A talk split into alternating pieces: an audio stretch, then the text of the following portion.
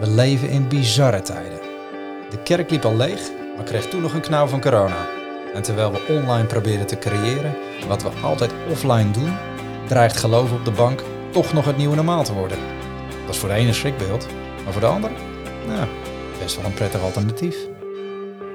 De vraag is uiteraard, hoe krijg jij met regelmaat een portie geestelijk voedsel binnen? En boeit die Bijbel je nog wel? Begrijp je wat je leest? Mijn naam is Benaya, ik ben schrijver, theoloog en consultant. En deze hagepreken zijn mijn duit in het discipelschapszakje van zowel kerkgangers, kerkverlaters als kerkelozen. Hier bespreek ik geloofsonderwerpen vanuit de Bijbel en behandel thema's die prikkelen, je leven raken, maar vooral helpen koers te houden in de woelige wateren van een steeds complexer wordende wereld. Ik neem je mee voorbij het Bijbelbierenbadje en gooi af en toe een heilige koe op de barbecue. Alles uiteraard met een knipoog. Kerkt, of niet, ik zou zeggen, kijk eens over de heg.